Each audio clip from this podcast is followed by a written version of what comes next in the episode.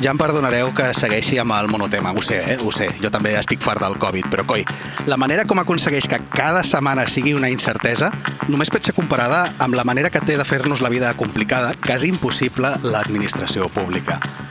I és que avui venim a parlar d'això, de les forces del suposat ordre, dels poders que han de garantir la nostra estabilitat i continuïtat per a que nosaltres puguem caminar per aquest ball de llàgrimes anomenada vida, sense que es noti gaire que l'infern no és que ens esperi, sinó que ja és aquí.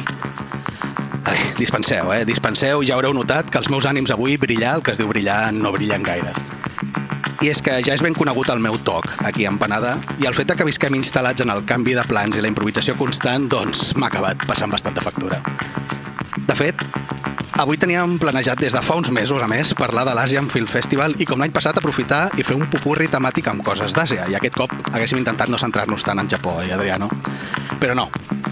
Aquest s'ha vist relegat a l'online i a una futura data de reprogramació encara per desvetllar i tant del mateix passarà la setmana que ve, on volíem fer un especial de terror molins.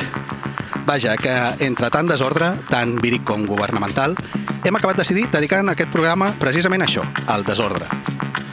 I és que sembla més clar que mai que la teoria de la il·lusió del control, tan estudiada al passat segle i que sembla que havíem oblidat, està ara més present que mai. Polítics que creuen saber què cal fer. Epidemiòlegs que asseguren que la corba baixarà. Cinemes que creuen que podran obrir en 15 dies.